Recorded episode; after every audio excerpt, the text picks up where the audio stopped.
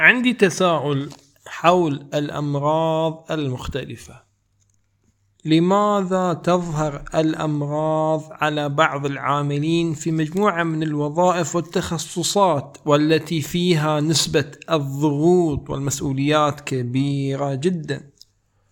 لماذا نجد بعض المدراء ورواد الأعمال من مؤسسين المشاريع يعانون من مجموعة كبيرة من الأمراض التي تراكمت بعد القلق والحيرة والاضطرابات لسنوات طويلة في مشاريعهم وأعمالهم. لماذا تظهر بعض الأمراض للعاملين في سلك التعليم خاصة بعد الانتهاء من عشرين أو ثلاثين سنة؟ والتعرض لكم كبير من الضغوط والمواقف. هي أسئلة جالت في ذهني ولا أملك الصراحه الإجابة عن هذه الأسئلة ولا عن هذه التساؤلات.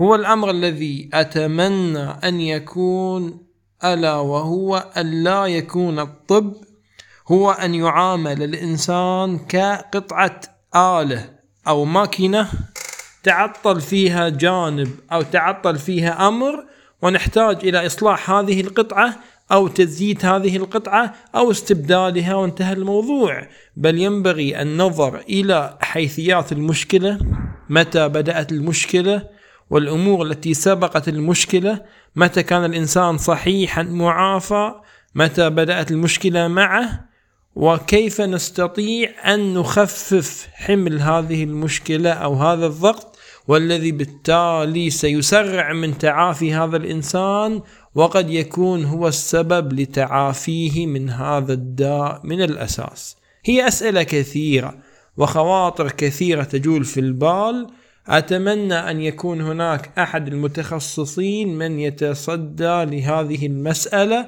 ولعل ذلك يساهم في تغيير نظرة الطب إلى الإنسان من آلة إلى إنسان تؤثر عليه المشكلات والأفكار والأمور النفسية.